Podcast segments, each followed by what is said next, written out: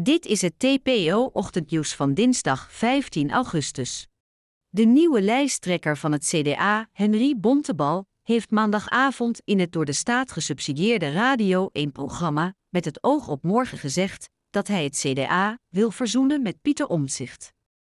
Volgens Bontebal betekent dit niet meteen dat Omtzigt naar het CDA moet terugkeren, maar wel dat de deur altijd open staat. Volgens Bontebal heeft hij persoonlijk een goede band met Pieter Omtzigt.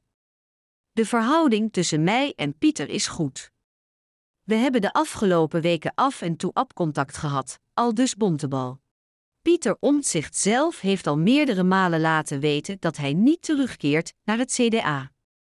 Zo twitterde hij eind juli nog: Zoals al vaker gezegd is het boek met het CDA dicht.